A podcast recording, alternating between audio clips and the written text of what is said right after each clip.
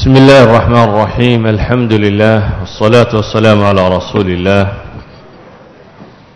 اللهم وفقنا لما تحبه وترضاه qisada tanta taarka oo aynu weli ku jirno qaybtii ay iyagu guulaysanayeen oo aynan gaadhin goobihii iyaga jabkoodu ka bilaabmayey waxaynu ku soo dhex jirnay dowla alayuubiya ama salaaxaddiin alayuubi raximahu ullah dowladdii ballaadhnayd ee uu ka tegey ee dabeetana googo'dee filqantay ee qaybaha tirada badan noqotay iyo markaa tataarku siduu ula dhaqmay kolba meel uu ku duulayey qolada kalena ay daawanaysay inta qoladaasi la cunayo ama la laynayo. Ay u fududaatay markaa hoolaakaya ciidankiisii inay maalin walba koox ay weeraraan kooxaha kalena ay meeshooda joogaan. Waxayna ugu dambayso aynu soo marnay maya faarqiin magaaladii la odhan jiray ee dagaalka gashay alkamil moxamed alayuubi oo la jebiyey oo aynu nidhi magaaladaba xisaar baa lagu sameeyey dadkii wuu madhay gaajo iyo xanuunnu u madhay. Aakhirkii magaaladii bay soo galeen moxamed alkamil bay soo qabteen. Dabeetana waxaynu nidhi tacdiib baa lagu dilay. Waa la toorjargareeyey inta la xidhxidhay ayaa hilibkiisa la googooyey kolba in la cunsiiyey. Markii u dembeeyeyna madaxay ka gooyeen dabeetana madaxiisii bay qaateen. Ilaa iyo magaalooyinkiiyo dhulkay sii marayeen oo dhan madaxii kaamil oo lagu sido waranka lagu sitaa lala marayey. Ilaa madaxiisi uu ku gebagaboobay inay dimashaq la galaan xalab iyo xamaa iyo xamas. Waxaasoo dhan waa la dhaafeen. Sidii madaxiisa loo siday dadka loogu bajinayey ayaa moxamed alkamil alayuubiy madaxiisii waxa la geeyey dimashq waxay culammaai taarikh tilmaamaan xataa dimashq albaabka laga soo geliyey baab ilfaradiis albaab la yidhahdaa laga soo geliyey baa la yidhaahdaa. Dabeetana aakhirkii meel masaajida lagu aasay. Iminka masjid ura'si baa loo yaqaanaa. Masaajidka uu ninkaa madaxda ahaa uu ku aasayay masaajidkii madaxaa la yidhaahdaaba halkaa hadda xabaasha u ah. Markii uu miya faarqiin ka takhallusay buu wuxuu bilaabay inuu haddana boqor yaroo kaloo agtiisa jooga oo magaalo maardiin la yidhaahdo haysta inuu weerarka ku qaado. Maardiin markuu weerarka ku bilaabeen sidii caadada u ahayd wuxuu u diray ergey ama rasuul waraaqihii tahdiidka ahaa iyo digdigta ahaana sida. Waa loo wargeeyey. Rasuulkii waa u yimi warkiina waa u sheegay. Meesha waxaa xukuma almelik saciid nin la yidhaahdo. Wuxuu jawaab ku soo bixiyey. Jawaab ah waan dagaalamayaa ah laakiin sababta dagaalka ku kaliftayna inay ku qoran tahay. Wuxuu leeyay kuntu qad casimtu cala alطaacati wاlxuduuri ila almelik lakin xayثu anakum qad caahadtum اlآakhariin ثuma qatltumuuhm bacda an iطma'nuu ilى cahdikum وamaanikum faإnii اlآna laa ahiqu bikm waإna alqalcaةa bxamdi اllahi tacaalى mashxuunaة bالdakhaa'ir wاlaslixa wamali'aة birijaali الtarki wa shujcaani اlkurd wuxuu ku gebagabeeyey hore waxaan ku tala galay buu yidhi inaan boqorka u imaaddo oo aan u hoggaansamo laakiin waxaan arkay buu yidhi ciddii idiin hoggaansatay ee idan aqbashay iyagana inaad layseen oo idan ammaano iyo cahdi toona lahayn. Sidaa daraaddeed kalsoonimo qaba aan kuugu imaaddo ee waxaan kuu sheegayaa qalcaddaydu rag iyo xoolaba waa buuxdaa oo rag tiro badan oo turkiya iyo geesiyaashii kurdida ayaa ii jooga buu yidhi dagaal baanan ka xigaa imaatinkaaga holeeko ciidamadiisii waxay bilaabeen inay go'doomin ku sameeyaan. Muddada ay go'doominta magaalada tan ku hayeen ayay waxay bilaabeen inay qabsadaan magaalooyinkii yaryaraa ee u dhowaa oo magaalooyin caan ah fi lislaam aamud baa ka mid ah xaraam baa ka mid ah raha baa ka mid ah iyo suruuj iyo magaalooyin qalcado yaroo kaloo tiro badan. Intaasoo qalcadood oo yaryaree magaalo markuu qabsaday oo ay magaalada tanina ugu jirto xisaar ayuu wuxuu go'aansaday inuu dib u yaro dhigo dagaalka magaalada tan ou xagga xalab u socdo. Laakiin inagu qisada si aynu isu raacinno magaaladaynu israacin doonnaa magaaladan xisaarkii markuu muddo ku jireen ayaa waxaa geeriyooday boqorkii magaalada xukumayey almelik saciid magaalada xanuun baa ka dilaacay dabeetana wabaagii xanuunkii meesha ka dilaacay ayuu ku dhintay. Inanuu dhalay oo almelik ilmudfir la yidhaahdo ayaa dhexaltooyadii qaatay. Inankii wuxuu bilaabay isagu inuu gorgortan galo hoolaaku xidhiidh la sameeyey. Gorgortan buu galay. Hoolaaka nin buu u soo diray. Koohday la yidhaahdo. Koohdaygii waxoogaa baabay iska wacwacdiyeenoo wuu islaamay. Ninkan boqorka ah walaashiina waa la siiyey. Walaashiina wuu u guuriyey. Waxaanay aqbaleen inay dowladdii isu dhiibaan waxaa la yidhi boqorku waa inuu tagaa hoolaako oo wafdiya uu soo baxay. Ramadaan baa la yidhaahdaa buu soo baxay isagoo hadiyadihii iyo wixiina sida. Boqor hoolaakuu yimi wixii baa loo gudbiyey. Hoolaako markaa wuxuu ku yidhi niyow dhegayso. Waxa i soo gaadhay muusilkii haystay carruurtiisii inay baxsatay oo xaggaa iyo masar ay u baxsatay. Muusil waa badrudiin lu'lu waa kii ugu xaggan safkan ugu xigayba yacni xisbu tataarka qoladii ka tirsanayd weeyaan. Hoolaaka wuxuu leeyay waxay soo gaadhay ninkaa carruurtiisii inay baxsatay oo ay qabteen meesha la yidhaahdo masar. Waxaanan u malaynayaa un asxaabtiisii la socotay inay sababtay carruurtiisu inay baxsato. Ee waxaan kaa raba adiga waxa weeyaan inaad soo kaxayso asxaabtaadoo dhan dabeetana aad aniga agtayda kaga tegtid waayo idinma aamini karayo inay hadhow intay wax kugu akhriyaan idinna baxsataan oo masar qabataan wuu keenay asxaabtii iyo wixii oo dhan dabeetana waa la fasaxay. Haddana wuxuu ku yidhi hoolaako may waxa ay asxaabtaadu ii sheegeen inaad xagga hoose masaarida kala socotid waxaanan iigu muuqataa inaan kugu daro cid kaa mancida inaad baxsato waayo shakigaa weli waan qabaa. Asxaabtii lakeen ninkan baa u haysta madax furasho. Haddana wuxuu leeyahay adigu haddaad noqoto keligaa waan ka cabsi qabaa inaadeen inaad baxsatid. Markaa cid kalaa lagugu daraya nin la yidhaahdo axmed boqa ayaa la yidhi baa ku-xigeen kuu noqonaya oo magaalada maamulaya.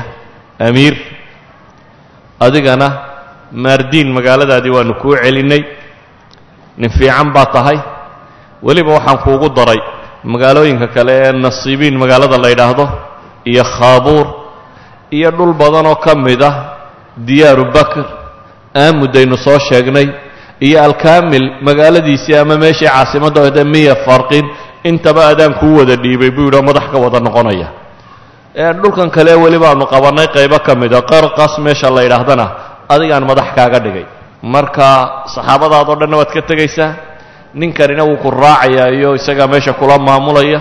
Mamlakadaadiina waan ballaadhiyey oo intaasoo dhan baan ka dhigay buu yidhi. Hal waxun baad yeelaysaa buu yidhi. Markaad magaalada ku noqoto wax allaaliya waxa qalcad iyo burji ku yaalla waad duminaysaa lama ogola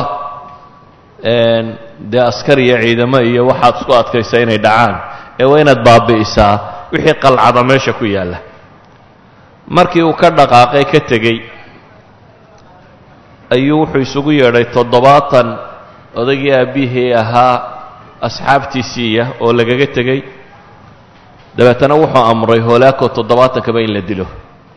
Odayadan duqaytidaa in laga wada takhalluso wax dembiya oo ay geysteenna ma jiro laakiin meesha dowladnimadu inay si fiican uga muuqataa baa la rabaa. Mardin waxay noqotay dowlad ay ka taliyaan nimanka la yidhaahdo tataarku. Waxaanay noqotay imaara caskariya oo bartamaha ku taalla oo suuriya iyo dusheeda suuriya inta ka sarraysa iyo intan kurdigu dege turkiga ka tirsan iyo anadol qayba inahaasoo dhan xukunta oo ay ka talin karaan. Horuu socday markaa wuxuu bilaabay magaaladii xalab lo odhan jiray iyo dhankeedii inuu kaco. Suuriya markaa waataynu nidhi dhankii saxaaraha inuu ka galo wuu ka baaqsaday wuxuu bilaabay inuu ka soo galo dhanka waqooyi xalab oo wax yar u jirtaba xuduudda turkiga maanta uu leeyahay ayuu ka soo bilaabay. Waa cashir alakhiir waa tobankii ugu dembeeyey dilxija lix boqol iyo toddobiyo kontonkii hijiriyada ama kun laba boqol iyo sagaal iyo kontonkii milaadiyada. Novembar bay ku sheegaan meelahayna ku beegnayd.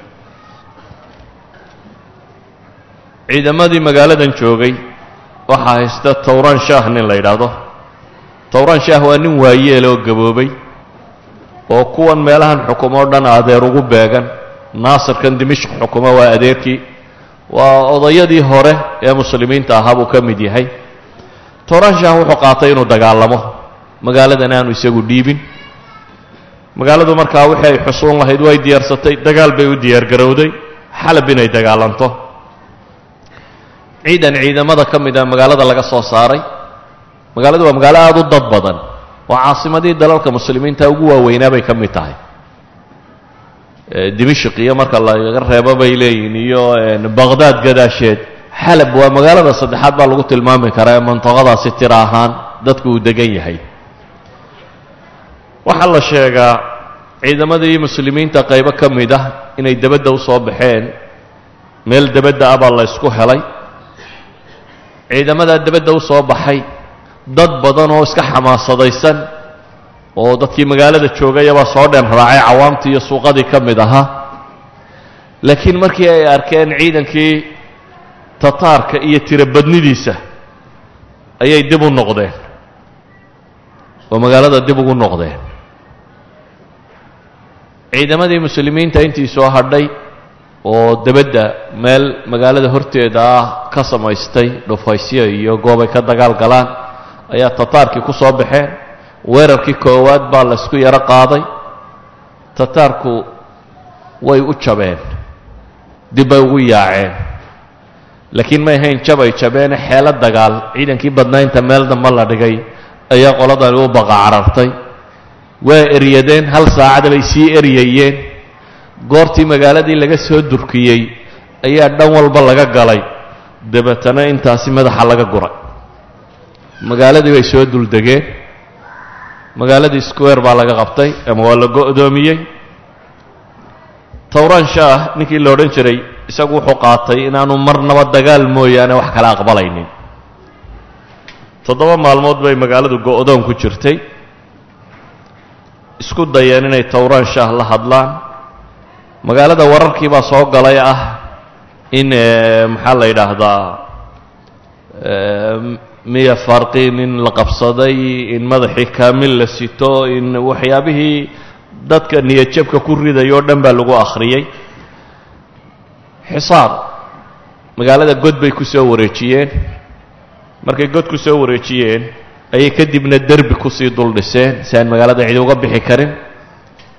Kadibna waxay bilaabeen labaatan manjaniiq madaafiicda culusa bay u rakibteen waa la garaacay caamadii magaalada ku jirtay markii garaacistiina ku badatay xisaarkiina adkaaday toddoba maalmood xisaarkaasi ay ku jiraan ayaa tamalmul dhacay ay leeyihiin warayn sidhiibno malaa sidhiibkaa la qaataye towraan shaah waa diiday inuu isdhiibo caamadii barh ka mid a magaalada albaabadeedii u furtay waxaa la yidhi waa isdhiibaynaa annagu sidan ku sii jiri mayno. Waa la soo galay markuu arkay in magaaladii la soo galay ayuu ciidamadiisa wixii aqbalay buu kaxaystay qalcad magaalada ku taalla ayuu towraan shaah la galay. Magaaladii xalab oo albaabada loo furay ayuu soo galeen atractii atrak maahee tataarkii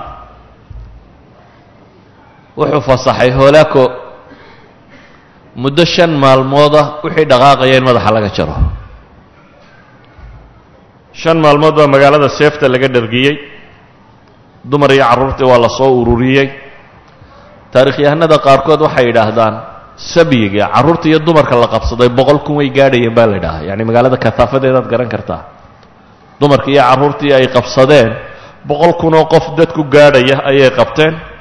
Laakiin wuxuu faray inaan la dilin wax kiristana. Waxay kaloo sheegeen guryo gaara dad galay iyo kiniisaddii yuhuudda iyo mala axsaab hoosta kala socotay tataarka farmaanno gaaraa dadka loo jarayo meelaha wixii galayna kontaneeyo kunoo meelaha galayna waxaa la sheegaa in la yidhi hala nabadgeliyo. Magaalada inteeda kale waxaa la amray in dhulka lala simo. Dayrkii magaalada iyo suwaarkeeda in la baabi'iyo. Masaajidda qaar in la dumiyo wax walba in la qarribo. Qalcaddii hoose tooraanshaah iyo ciidamadiisu galeen ayaa go'doomiskii lagu bilaabay. Muddo bil ku dhowaada afar toddobaad markii ay go'doomin ku jireen ayay qalcaddiina xoog ku furteen oo albaabkeedii jebiyeen. Odagiioo aada u da'a towraansha ah nolol bay ku qabteen. Wixii kale ay layn karayeenna way laayeen. Towraanshaha waxaa la yidhahdaa isaga may dilin way qabteenuun maxay u dili waayeen? Taarikhyahanadu sababo badan bay sheegaan imaam almaqrizi isagu wuxuu leeyahay waxaa laga yaabaa inuu dhaawac weyn qabay ama inuu xanuunsanayey waayo maalmo kadibba wuu dhintay. Taarikhyahanada qaarkood sababo kaley sheegaan. Qaar baa yidhaahdaa odaygan geesinimadiis iyo ninnimadiisu ka yaabay. Oo wuxuu yidhi ninkii odayga haye holaako war ragga raggaa lama laayo ninkan ha la daayo. Laakiin taarikhyahanada qaar baa waxay leeyihiin holaako nin raganimo ku daayo horeba looma arage. Wuxuu ka lahaa bay leeyihiin dana kaloo siyaasiya oo ah. Kow xukaamta kale ee magaalada joogtaa inayse soo dhiibi karaan. Waa odaygoodiio dee adeer buu yahay kan dimishik oo dhan iyo meeshao dhan isaguu madaxda ka wadaa maca xalabtan la qabsanayo kan haystay. Kan ashrafka jooga xumus jooga waxaan oo dhami waa isku reer. Marka odaygooda marka la qabto ee aan la dilin waa fatxu lbaabi lilaakhariin bay leeyihiin madaxda kalena inayse soo dhiibto dee odaygii horeba lama dilinay laakiin waxaa la yidhahdaa odaygani maalmo markii la hayay kadibba wuu geeriyooday isagu. Ilaahay u naxariisto. Meeshii la odhan jiray waxa u yimi alashraf alayuubi xums ninkii madaxda ka ahaa oo hambalyaynaya holako. Holakona wuxuu idhi nin wanaagsan baa tahay xalabtan aan dumiyeyna adaanku ugu daray. Xukun. Taadii hore iyo xalab isku darso.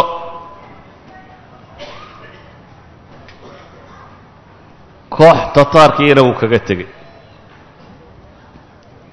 Meelihii u dhadhowaa qalcadihii ku yaallay siba qalcad xaarim la yidhaahdo oo ilaa konton kilomitir magaalada u jirtay weerarka ku qaadeen. Muddo kadib dagaal markuu cabbaar dhacay iyana waa qabsadeen. Wixii ku jiroo dhanna waa laayeen. Markan waxaa ku hadhay waxaan badnayn shaam oo dhan. Naasir yuusuf oo aan magaaladiisii labaad ee adeerkii joogay difaacin eele difaac waxaan kaga jiraa dimashq duleedkeeda. Iyo waxoogaaga u haystaa uu hadhay wax ciidamaa ou dagaal la geli karo. Halkan markuu marayey ayuu mu'tamar qabtay hoolaako mu'tamar abaalmarina waxaa la abaalmarinayaa dadkii iyo geesiyadii dowladda tataarka taageeray ee ku taageeray inay si fudud dhulkan muslimiinta o dhan u qaban karaan. Laakiin mu'tamarku wuxuu ku salaysan yahay xasba ru'ya tatariya. Alqutb alwaaxid dunida la rabo inuu ka taliyo. Waxaa yimi markaasi oo bogaadinta ka qayb gelaya oo dee dagaalkana kula jiray maalan armeniya boqorkeedii haytham waxaa jooga antakiya boqorkeedii bohmanda sadis bohmandiyiinta kuwii la odhan jiray kii lixaad. Waxaa jooga salaajiqadii ama turkidii muslimiinta ahayd labadii boqore xukumayey kekawskii labaad iyo qalaj arsalaan araabici afraad. Waxaa la siinayaa markaa mukaafa'aat abaalmarino xoolihii بسم الله الرحمن الرحيم الحمد لله والصلاة والسلام على رسول الله اللهم وفقنا لما تحبه وترضاه qisada tan tataarka oo aynu weli ku jirno qaybtii iyagu guulaysanayeen oo aynan gaadhin goobihii iyaga jabkoodu ka bilaabmayey waxaynu ku soo dhex jirnay dowla alayuubiya ama salaaxaddiin alayuubi raximahullah dowladdii ballaadhnayd ee uu ka tegey ee dabeetana googo'dee filqantay ee qaybaha tirada badan noqotay iyo markaa tataarku siduu ula dhaqmay kolba meel uu ku duulayay. Qolada kalena ay daawanaysay inta qoladaasi la cunayo ama la laynayo. Ay u fududaatay markaa hoolaakaya ciidankiisii inay maalin walba koox ay weeraraan kooxaha kalena ay meeshooda joogaan. Waxay noogu dambayso aynu soo marnay maya farqiin magaaladii la odhan jiray ee dagaalka gashay ee alkamil moxamed alayuubi oo la jebiyey oo aynu nidhi magaaladaba xisaar baa lagu sameeyey dadkii wuu madhay gaajo iyo xanuunno u madhay. Aakhirkii magaaladii bay soo galeen moxamed alkamil bay soo qabteen. Dabeetana waxaynu nidhi tacdiib baa lagu dilay. Waa la toorjargareeyey inta la xidhxidhay ayaa hilibkiisa la googooyey kolba in la cunsiiyey. Markii u dembeeyeyna madaxay ka gooyeen dabeetana madaxiisii bay qaateen. Ilaa iyo magaalooyinkiiyo dhulkay sii marayeen oo dhan madaxii kaamil oo lagu sido waranka lagu sitaa lala marayey. Ilaa madaxiisi uu ku gebagaboobay inay dimashaq la galaan xalab iyo xamaa iyo xamas. Waxaasoo dhan waa la dhaafeen.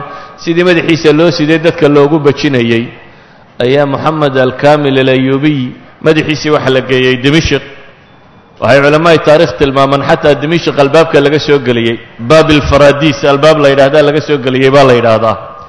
Dabeetana aakhirkii meel masaajida lagu aasay iminka masjid ura'si baa loo yaqaanaa. Masaajidka uu ninkaa madaxda ahaa uu ku aasayay masaajidkii madaxaa la yidhaahdaaba halkaa hadda xabaasha u ah. Markii uu miya faarqiin ka takhallusay wuxuu bilaabay inuu haddana boqor yaroo kaloo agtiisa jooga oo magaalo maardiin la yidhaahdo haysta inuu weerarka ku qaado. Maardiin markuu weerarka ku bilaabeen sidii caadada u ahayd wuxuu u diray ergey ama rasuul waraaqihii tahdiidka ahaa iyo digdigta ahaana sida waa loo wargeeyey rasuulkii waa u yimi warkiina waa u sheegay meesha waxaa xukuma almelik saciid nin la yidhaahdo wuxuu jawaab ku soo bixiyey jawaab ah waan dagaalamayaa ah laakiin sababta dagaalka ku kaliftay inay ku qoran tahay wuxuu leeyay kuntu qad cazimtu cala alطaacati wاlxuduuri ila اlmelik lakin xayثu anakum qad caahadtum اlآakhariin ثuma qatltumuuhum bacda an iطma'nuu ilى cahdikum وamaanikum faإnii اlآna laa ahiqu bikm وإن القلعة بحمد الله تعالى مشحونة بالذخائر والأسلحة ومليئة بالرجال الترك وشجعان الكرد wuxuu ku gebagabeeyey hore waxaan ku tala galay buu yidhi inaan boqorka u imaaddo oo aan u hoggaansamo laakiin waxaan arkay buu yidhi ciddii idiin hoggaansatay ee idan aqbashay iyagana inaad layseen oo aydan ammaano iyo cahdi toona lahayn. Sidaa daraaddeed kalsoonimo qabo aan kuugu imaaddo ee waxaan kuu sheegayaa qalcaddaydu rag iyo xoolaba waa buuxdaa oo rag tiro badan oo turkiya iyo geesiyaashii kurdida ayaa ii jooga buu yidhi dagaal baanan ka xigaa imaatinkaaga holaako ciidamadiisii waxay bilaabeen inay go'doomin ku sameeyaan. Muddada ay go'doominta magaalada tan ku hayeen ayay waxay bilaabeen inay qabsadaan magaalooyinkii yaryaraa ee u dhowaa oo magaalooyin caana ah fi lislaam aamud baa ka mid ah xaraan baa ka mid ah raha baa ka mid ah iyo suruuj iyo magaalooyin qalcado yararoo kaloo tiro badan. Intaasoo qalcadoodoo yaryaree magaalo markuu qabsaday oo ay magaalada tanina ugu jirto xisaar ayuu wuxuu go'aansaday inuu dib u yaro dhigo dagaalka magaalada tana uu xagga xalab u socdo. Laakiin inagu qisada si aynu isu raacinno magaaladaynu israacin doonnaa magaaladan xisaarkii markuu muddo ku jireen ayaa waxaa geeriyooday boqorkii magaalada xukumayey. Almelik saciid magaalada xanuun baa ka dilaacay dabeetana wabaagii xanuunkii meesha ka dilaacay ayuu ku dhintay. Inanuu dhalay oo almelik ilmudfir la yidhaahdo ayaa dhexaltooyadii qaatay. Inankii wuxuu bilaabay isagu inuu gorgortan galo hoolaaku xidhiidh la sameeyey gorgortan buu galay hoolaaka nin buu u soo diray koohday la yidhaahdo.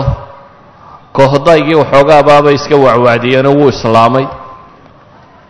Ninkan boqorka ah walaashiina waa la siiyey. Walaashiina wuu u guuriyey. Waxaanay aqbaleen inay dowladdii isu dhiibaan waxaa la yidhi boqorku waa inuu tagaa hoolaako oo wafdiya uu soo baxay. Ramadaan baa la yidhaahdaa buu soo baxay isagoo hadiyadihii iyo wixiina sida. Boqor hoolaakuu yimi wixii baa loo gudbiyey. Hoolaaka markaa wuxuu ku yidhi niyow dhegayso waxa i soo gaadhay muusilkii haystay carruurtiisii inay baxsatay oo xaggaa iyo masar ay u baxsatay. Muusil waa badrudiin lu'lu waa kii ugu xaggan safkan ugu xigayba yacni xisbu tataarka qoladii ka tirsanayd weeyaan.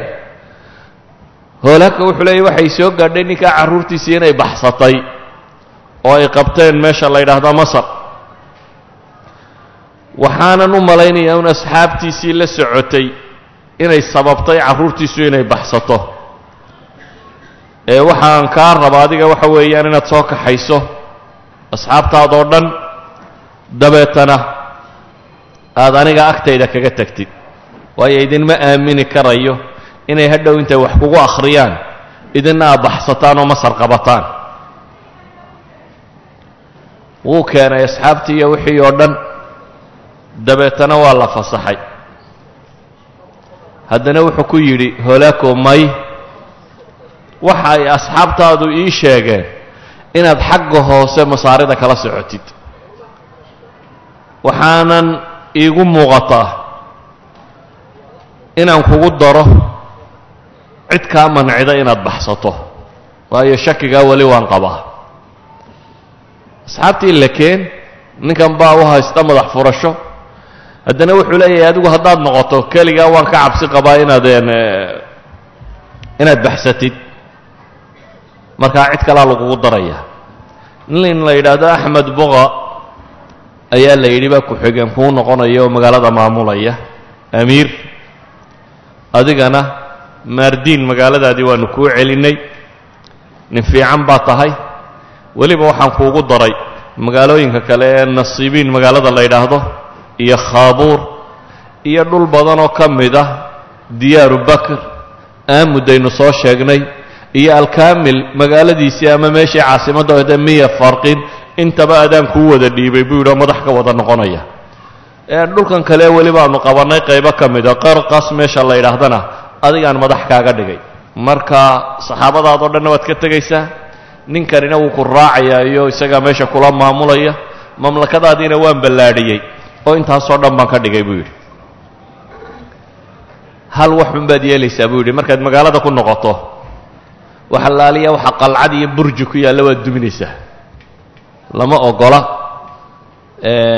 dee askar iyo ciidamo iyo waxaad isku adkaysaa inay dhacaan. Ee waa inaad baabi'isaa wixii qalcada meesha ku yaalla. Markii uu ka dhaqaaqay ka tegey ayuu wuxuu isugu yeedhay toddobaatan odaygii aabbihii ahaa asxaabtiisiiya oo lagaga tegey. Dabeetana wuxuu amray hoolaako toddobaatankaba in la dilo. Odayadan duqaytidaa in laga wada takhalluso wax dembiya oo ay geysteenna ma jiro laakiin meesha dowladnimadu inay si fiican uga muuqataa baa la rabaa. Mardin waxay noqotay dowlad ay ka taliyaan nimanka la yidhaahdo tataarku waxaanay noqotay imaara caskariya oo bartamaha ku taalla oo suuriya iyo dusheeda suuriya inta ka sarraysa iyo intan kurdigu dege turkiga ka tirsan iyo anaadool qayba inahaasoo dhan xukunta oo ay ka talin karaan.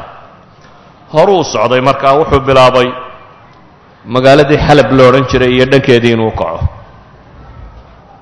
Suuriya markaa waataynu nidhi dhankii saxaaraha inuu ka galo wuu ka baaqsaday wuxuu bilaabay inuu ka soo galo dhanka waqooyi xalab oo wax yar u jirtaba xuduudda turkiga maanta uu leeyahay ayuu ka soo bilaabay.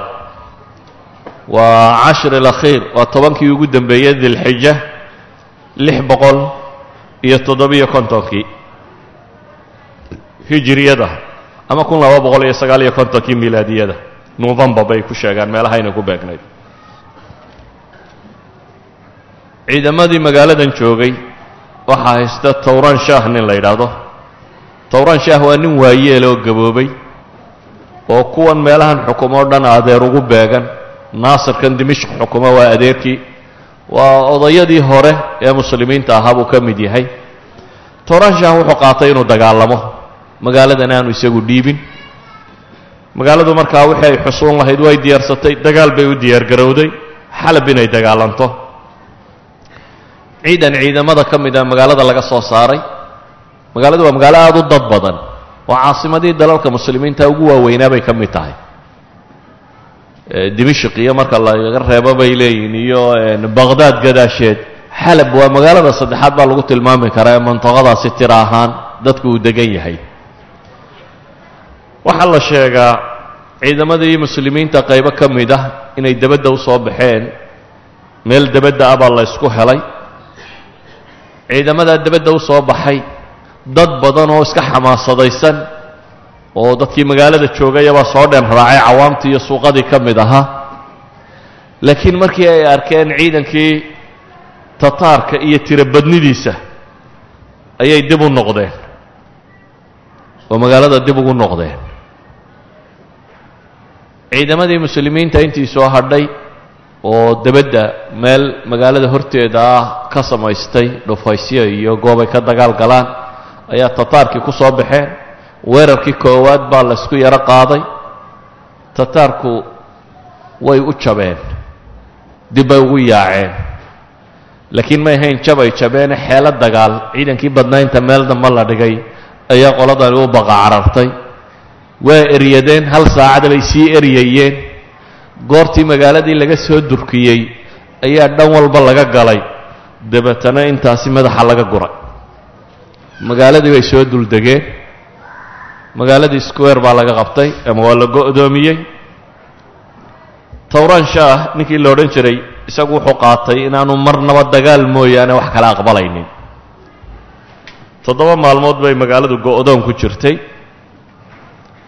Isku dayeen inay towran shaah la hadlaan. Magaalada wararkii baa soo galay ah in maxaa la yidhaahdaa miya farqiin in la qabsaday in madaxii kaamil la sito in waxyaabihii dadka niyadjabka ku ridayo o dhan baa lagu akhriyey xisaar magaalada god bay ku soo wareejiyeen.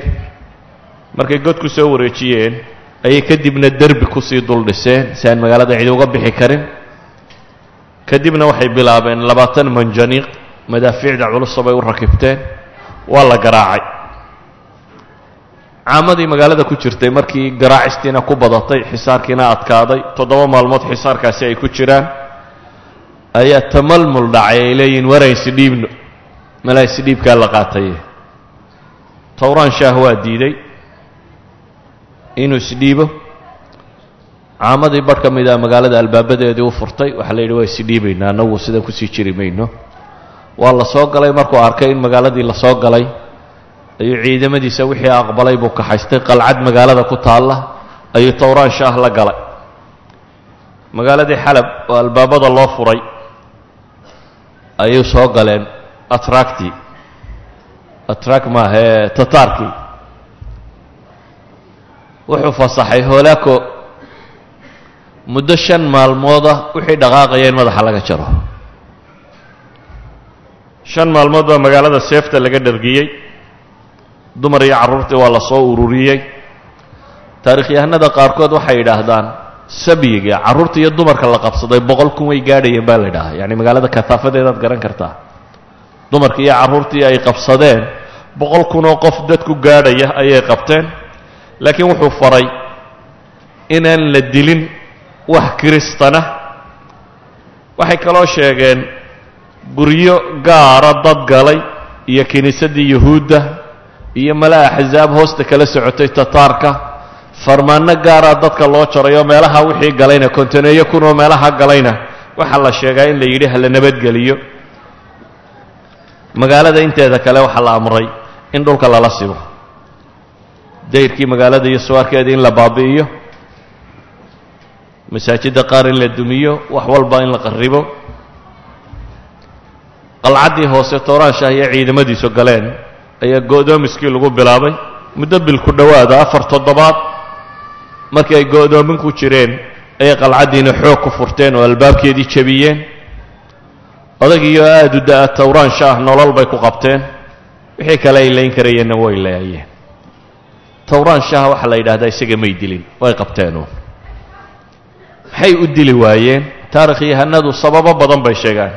Imaam almaqrizi isagu wuxuu leeyahay waxaa laga yaabaa inuu dhaawac weyn qabay ama inuu xanuunsanayey waayo maalmo kadibba wuu dhintay. Taarikhyahanada qaarkood sababo kaley sheegaan. Qaar baa yidhaahdaa odaygan geesinimadiis iyo ninnimadiisu ka yaabay. Oo wuxuu yidhi ninkii odayga hayo holaako war ragga ragga a lama laayo ninkan ha la daayo.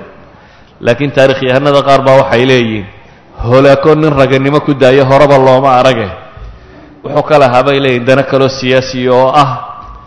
Kow xukaamta kale magaalada joogtaa inayse soo dhiibi karaan waa odaygoodiio dee adeer buu yahay kan dimishiq oo dhan iyo meeshao dhan isaguu madaxda ka wadaa maca xalabkan la qabsanayo kan haystay. Kan ashrafka jooga xumus jooga waxaan oo dhami waa isku reer. Marka odaygooda marka la qabto ee aan la dilin waa fatxu lbaabi lilaakhariin bay leeyihiin madaxda kalena inayse soo dhiibto dee odaygii horeba lama diline laakiin waxaa la yidhahdaa odaygani maalmo markii la hayay kadibba wuu geeriyooday isagu. Ilaahay u naxariisto. Meeshii la odhan jiray waxa u yimi alashraf alayuubi xums ninkii madaxda ka ahaa oo hambalyaynaya holako. Holakona wuxuu idhi nin wanaagsan baa tahay xalabtan aan dumiyeyna adaanku ugu daray. Xukun. Taadii hore iyo xalab isku darso.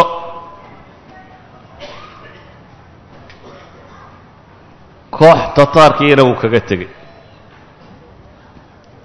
Meelihii u dhadhowaa qalcadihii ku yaallay siba qalcad xaarim la yidhaahdo oo ilaa konton kilomitir magaalada u jirtay weerarka ku qaadeen. Muddo kadib dagaal markuu cabbaar dhacay iyana waa qabsadeen. Wixii ku jiroo dhanna waa laayeen. Markan waxaa ku hadhay waxaan badnayn shaam oo dhan. Naasir yuusuf oo aan magaaladiisii labaad ee adeerkii joogay difaacin ee le difaac waxaan kaga jiraa dimashq duleedkeeda. Iyo waxoogaaga u haystaa u hadhay wax ciidamaa aw dagaal la geli karo. Halkan markuu marayey ayuu mu'tamar qabtay hoolaako mu'tamar abaalmarina waxaa la abaalmarinayaa dadkii iyo geesiyadii dowladda tataarka taageeray ee ku taageeray inay si fudud dhulkan muslimiinta o dhan u qaban karaan. Laakiin mu'tamarku wuxuu ku salaysan yahay xasba ru'ya tatariya.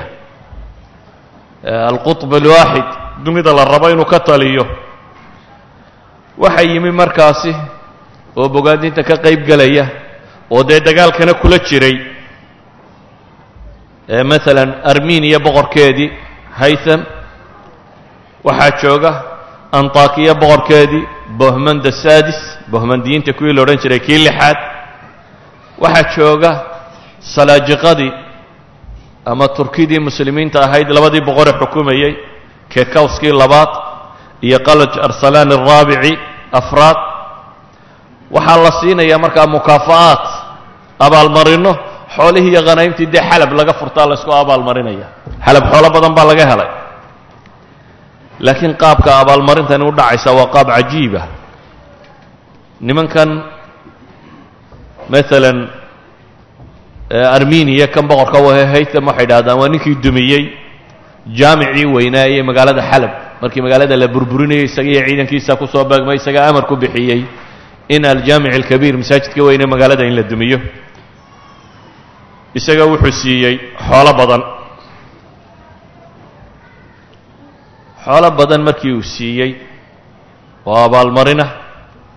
Ayaa haddana waxaa loo yeedhay labadii ninee madaxda ahaa ee muslimiinta ka socday ka kawsa thani iyo qalaj arsalaan araabic waxaa la yidhi idinku kow waxay yeelaysaan magaalooyinkaa xukuntaan iyo qalcadaha aa leedihiin qaybo ka mid ah. Oo ay muslimiintu hore u furteen waxaa ku wareejisaan boqorkii armeniya. Haytham si waa nimankii la socday wax la dagaalka kula jiray. Ayaa dhulkoodii qayb ka mida waxaa abaalmar loo siinayaa. Armeniya boqorkeedii la socday. Si armeniya boqortooyadeeda ay u ballaadhato oo xaliif istraatiijiya xooggan u noqdo. Qoladanna abaalmarkoodii kaasuu noqday in dhulkooda qayb laga qaado oo loogu daro armeniyiinta in loogu daro. Abaalmarkii saddexaad ayuu wada bohmand oo antakiya. Gobolka la ydhaha ka tirsan turkiga xukuma ayuu u yeedhay. Isagana wuxuu yidhi adigana abaalmar waxaan kuu siiyey. Madiinatu laadiqiya. Laadiqiyadan suuriya ku taallo magaalo muslima ah oo dhulkii waa dhulku salaaxaddiin alayuubi ka qaaday. Nimankii masiixiyiinta uu ka furtay oo islaamay oo dad muslimiina markaasi ah ayuu yidhi laadiqiya adiguna antakiya ku darso. Waa qaacidada caankaa bay yidhaahdeen ee isticmaarka labadan qodobee dambe waa qaacidadii caanka ee isticmaarka oo isticmaarka waxay dhahdeen almuxtal yucطi maa laa yamlik liman laa yastaxiqu bay yidhaahdaan koloniyada mustacmarku waxaanu lahayn ayuu cid aanu xaq u lahayn siiyaa.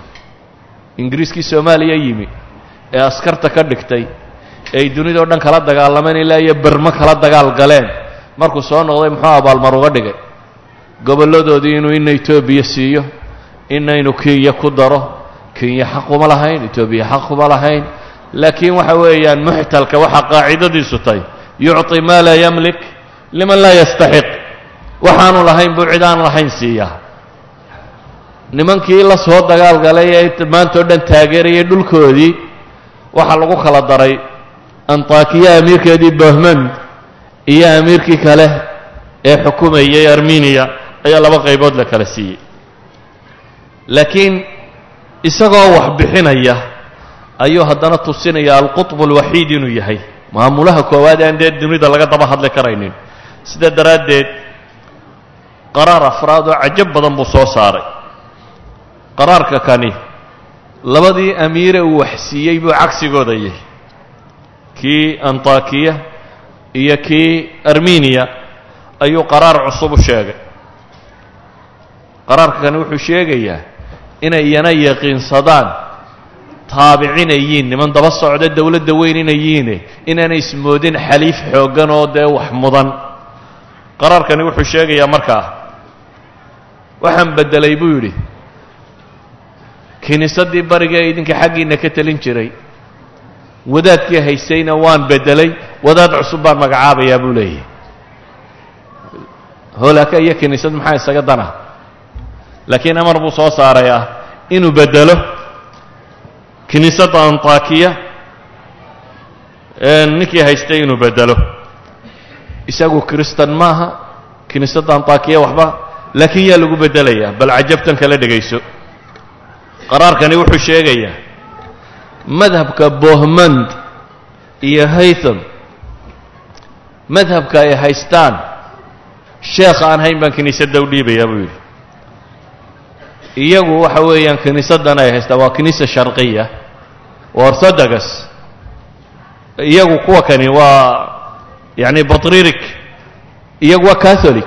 Romanan baa looga taliyaa antakiya romania looga taliyaa waayo kiniisadda ninka jooga genewa baa laga soo diray marka horeba. Waa talyaaniga ayaa laga diray. Waa nin catholicah dee protestant dunida markaa ma jirine waa catholic baa jooga iyo kiniisa sharqiya orthodox. Laakiin batririk yunaniya oo kiniisa sharqiya ka tirsan buu intuu soo qaaday ayuu kiniisaddii katoliga ahayd yidhi adigaa madax ka ah waa qoladan kristankaana wuxuu rabaa inuu u sheego maca diintiinna inuu isagu xukumo. Maca diinta kiristanku inay hoolaako hoos timaado oo madaahibtan iyo kiniisadahan iyo waxa la sheegayna waxba ka jirine nin walba halku ku qoro uun inuu arrinku ku socdo.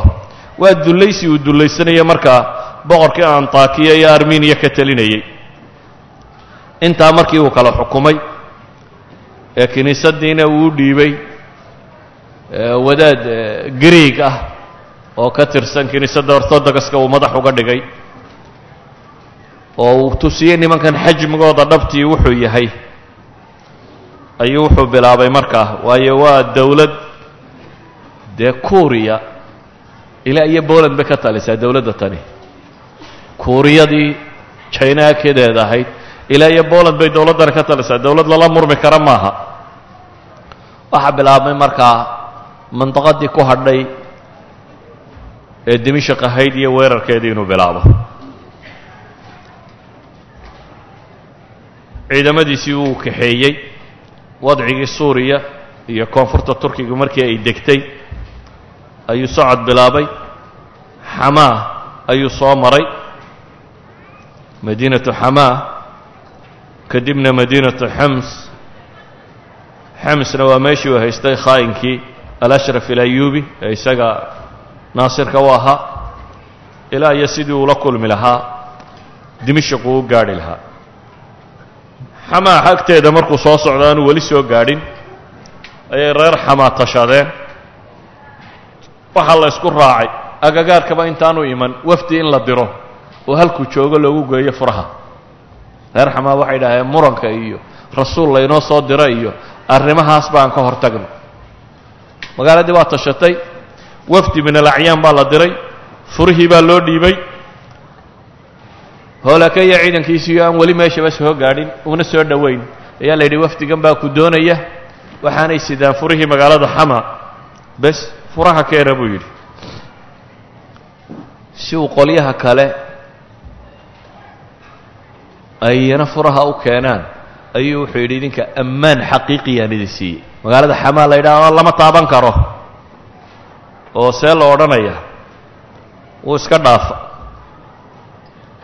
markuu xamaa dhaafay ayuu xums tegey. Xumsna dee ashraf ilayubi baa jooga walba isagu xisbigan ka tirsan waa ka sii tallaabay. Wuxuu u sii socdaa dimishq. Dimishq markii uu ku soo socdo ballan dhanka kale eegno. Ninkii berigii hore yidhi inankiisa u diray ee lahaa kaalay masar ila qabo ee markii la yidhi adigaaba iman waaye isaga la magayna masar u cararay ee yidhi ninkii masriga ahaa kaalay oo ila difaaca. Ee jihaadka iclaansaday ee xame ilaalin kari waaye halkan ag degay dimashaq ag degan bal naasir yuusuf iyo ciidankiisii aan dib ugu noqonno. Naasir yuusuf waxaa soo gaadhay warka odhanaya ninkaa isku reerka haya in inta la dilay in madaxa laga jaro madaxiisii la sito lagula soo socdo isaga moxamed alkamil madaxiisii dee waa la siday ila dimashq baa lagu aasi doonaaye magaaladii maya farqina in la qabtay. Maxay qaba samaynayaan markaa waxaa bilaabmay shir in la ysugu yeedho madaxdii dowladda. Madaxdii dowladda oo dhan baa isu timi. Boqorkan baqayaana waa la jooga.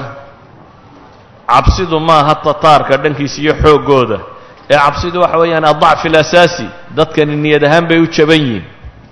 Iimaankaa daciifay. Waxaa la yidhi ha la shiro. Madaxdii uu ka mid yahay ra'iisul wasaarihii waddanku alamiir zaynaddiin alxaafidi ayaa yimi. Zaynaddiin alxaafidigana waa ninkii uu ka digayay moxamed alkamil ow lahaa warkaasi khubus buu kaa dhigi doonaaye. Taladiisa ha yeelen isaga iyo badrudiin lulu waa nimankuu lahaa. Shirkaa la wada fadhiistay. Shirka waxaa kaloo ku jira bebros ruknadiin bebros albonqondari bebros wuxuu ka mid yahay almamaalik albaxriya nimankaa iyo qisadooda iyaga dib baan ka sheegi doonaa. Masar dowlad caskara baa hadda ka jirta. Dowlad ayuubiya waa la inqilaabay. Dowlad military baa ka dhisan. Oo niman mamaalika la yidhahdo military ahaan jiray baa qabsaday. Waa mamaaligtu askar askarta way isqabteen jananadoodii ugu weynaa nin ka mid ah oo ruknudiin bebros la yidhaahdo ayaa ninkii meesha haystay ay isqabteen waxoogaa yaroo ciidanuu la soo baxsaday wuxuu joogaa markaa dimashq. Ninka kan oo ka tirsan markaa ciidamadii masaarida ayaa isagu jooga magaalada dimashq ah. Shirkii markii la galay ee naasir yuusuf uu hadlay iyo warkiisii waa niman madaxoo wada kurbanaya. Dee adugu waa madaxda maanta caalamulislaami ka talisa oo maraykanka maxaynu ka yeelnaa ka tashanaysaa. Yacni maraykan oo intaa yar xukumaa ninkan holaaka u xukumaa markaa au ka talinayaa kuuriya ilaa iyo boland baynu idhi inta ka dhex leh ayuu ka taliyaa. Maxaa la yeelayaa baa la isweydiinayaa. Waa la hadlay warkii baa batay waxaa hadlay oo muuqanaysa inaanu naasir yuusuf xagga dagaalka u janjeedhin waxaa kaloo muuqanaysa xisbi tataari de inuu meesha ku dhex jiro. Zayn zaynaddiin alxaafidi ayaa hadlay. Wuxuu ka hadlay nimanka tataarkaa iyo de xooggooda iyo dowlad weyn siday u yihiin iyo say khatarta u yihiin. Wuxuu ka hadlay muslimiinta iyo tabardarridooda iyo dicfigooda iyo siay mashkiladda u haysato. Wuxuu u tilmaamay markaa boqorku wakhtiga kani wakhti aynu dagaalami karno inaanay. Waa nimankii jihaadka iclaamiyey markii hore. Wakhtiga kani wakhti aynu dagaalami karno inaanay ahayn. Halkaa markuu warkuu maraya baa la yidhi buu ruknudiin bebris xanaaqay. Dabeetana waxaa la yidhaahdaa nin aad diin ugu qiiraysanna wuu ahaa. Wuu cadhooday oo caytamay oo kan zaynaddiin alxaafidiga kana caayay oo taarikhyahanada qaar baa waxay yidhahdaan cayda iyo cadhada iyo waxaasoo dhan boqorku uula jeedaye kan waa sii marinayay inuu dareensiiyo mowqifka uu taagan yahay si kastaba ha noqotee wuxuu u tilmaamay waxaas wax la aqbali kara inaan ahayn marnaba dad muslimiina baynu nahay waddankii islaamka o dhan nimankani waa soo qabsaday ciidankii ugu xoogga badnaa adigaa haysta dagaalanno tale kale ma taale. Laakiin bebras wuxuu ka dhex hadlayaa dad geeriyooday innaka laa tusmicu ilaahay qur'aanka muxuu ley innaka laa tusmicu almowta walaa tusmicu suma adducaa'a idaa wallow mudburiin dad geeriyooday buu la hadlayaa. Looma dheg taagin. Markuu arkay inaan cidi u dheg taagin buu iska baxay baa la yidhaahdaa. Go'aankii meesha ka soo baxay muxuu noqday alqaraar. Alqaraaru huwa alfiraar. Madaxdii go'aana bay qaadatay ah in la baxsado. Waa madaxdii dhammayd ee jihaadka iclaamisay ee ciidanka dimishq hortiisa dhigtay ee hoolaaka ku soo socdo qaraarkii ka soo baxay wuxuu noqday maxay? In la baxsado. Alamiir naasir yuusuf waa baxsaday. Umaradii kale waa baxsatay. Ciidankii waa kala firdhay.